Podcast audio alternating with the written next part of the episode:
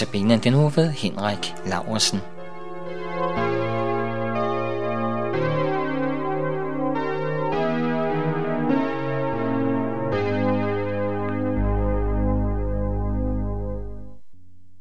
I Galaterbrevet kapitel 2, vers 16 har Paulus understreget, at intet menneske kan gøre sig selv retfærdig, og at man kun kan blive retfærdig ved tro på Jesus Kristus. Og med det kunne han godt have stoppet. Men fordi han ved, at der er nogle helt oplagte indvendinger, ja, så fortsætter han med de her ord. Galaterbrevet kapitel 2, vers 17-18. Men når vi ved at søge at blive retfærdige i Kristus, selv er kommet til at stå som syndere, går Kristus så ikke syndens ærende? Aldeles ikke, for hvis jeg igen bygger det op, som jeg har brudt ned, så viser jeg mig som en overtræder. I versene her kommer Paulus en anklage i forkøbet. Måske en anklage, som de falske forkyndere har brugt imod ham. De har vel sagt noget i stil med, at øh, evangeliet der ikke kan være så frit, for så kan folk jo leve som de vil. Så kan man jo bare sønde løs, for Jesus betaler jo for det hele. Men Paulus siger nej. Han kender sikkert godt til fristelsen, og vi kender også til fristelsen i vores eget liv, at vi ikke tager det så tungt med synden, for Jesus har jo betalt. Men Paulus siger, at det ikke er sådan, det fungerer. Når vi har fattet, at vi ikke har en chance for at nå op til Gud af lovens vej. Når vi har fattet, at den vej for altid er lukket. Og når vi derfor har fattet, at vi er fortabte og hjælpeløse i mødet med Guds dom. Og når vi derefter har fattet, at Gud i Jesus Kristus har forbarmet sig over os, har givet sig selv har fjernet synden og skylden og skammen og straffen og dommen og døden, og når vi så desuden har fattet, at vi i troen på Jesus Kristus er kommet til at høre ham til og være et barn af Gud. Når vi har fattet alt det, ja, så fatter vi også, at vi ikke bare kan leve ugudeligt og på den måde pisse på Guds nåde og kærlighed.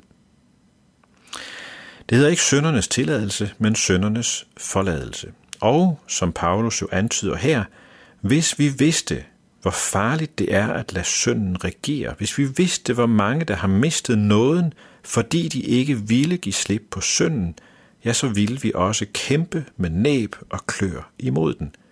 Ikke for at vinde Guds gunst, men fordi vi allerede har vundet den, og fordi vi har mødt en ubeskrivelig og utrolig kærlighed.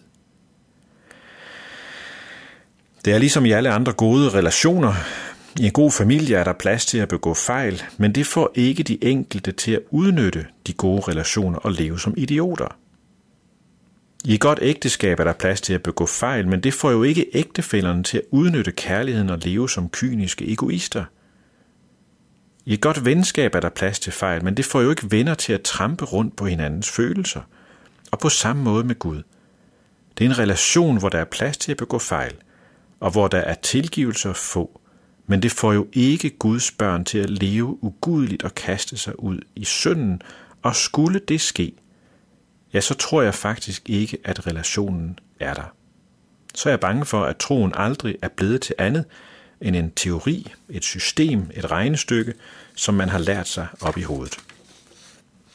Det kristne liv er ikke en tilvalgt livsstil. Nej, det er en død og opstandelse i Kristus. Det fortæller Paulus i de sidste vers i Galaterbrevet kapitel 2, og det er vers 19 og 20 og 21. For jeg er ved loven død, for loven for at leve for Gud. Jeg er korsfæstet med Kristus. Jeg lever ikke mere selv, men Kristus lever i mig, og mit liv her på jorden lever jeg i troen på Guds søn, der elskede mig og gav sig selv hen for mig. Jeg ophæver ikke Guds nåde, for hvis der kan opnås retfærdighed ved loven, er Kristus jo død til ingen nytte. Paulus siger her, at Guds lov har dømt mig til døden, fordi jeg på ingen måde kan eller ønsker at leve op til dens niveau. Og jeg er død på Jesu kors. Hans død er min død, og derfor kan loven ikke kræve mere – Loven kræver som bekendt ikke noget af døde mennesker. Jeg lever ikke mere selv, skriver Paulus. Jeg er jo død. Men i Jesus Kristus, som opstod fra de døde, i ham lever jeg, og han lever i mig. Jeg har i Jesus Kristus fået et helt nyt liv, med et helt nyt fokus. Jeg skal leve mit liv for Gud, i tro på Gud, i tro på Jesus, som elskede mig og gav sig selv hen for mig. Og læg lige mærke til den her formulering. Paulus skriver, Jesus elskede mig og gav sig selv hen for mig. Jeg har til øh, irriteret mig over det, når troen er blevet meget jeg-fokuseret, når troen er blevet meget individuel, fordi langt de fleste steder handler om Gud, som elsker sit folk, eller elsker verden, eller alle fortabte, oftest i flertal, fordi vi som mennesker jo hører sammen, og fordi det ikke bare handler om min frelse, men hele verdens frelse. Og det er vigtigt at løfte blikket og tænke på mere end bare lige selv at få rumpen ind i Guds rige – vi hører sammen med vores folk, vores næste og vores medmennesker. Men lige her zoomer Paulus helt snævert ind på mig. Lige her får jeg lov til at tage hans ord i min mund og ind i mit hjerte. Lige her ser vi ind i Jesu ansigt og får en oplevelse af, at han kun tænker på en eneste, nemlig mig. Jesus elsker mig og han har givet sig selv for mig. Det er fantastisk, og jeg vil derfor leve mit liv for ham. Sådan siger Paulus, og sådan må vi sige, og sådan må vi tro. Amen.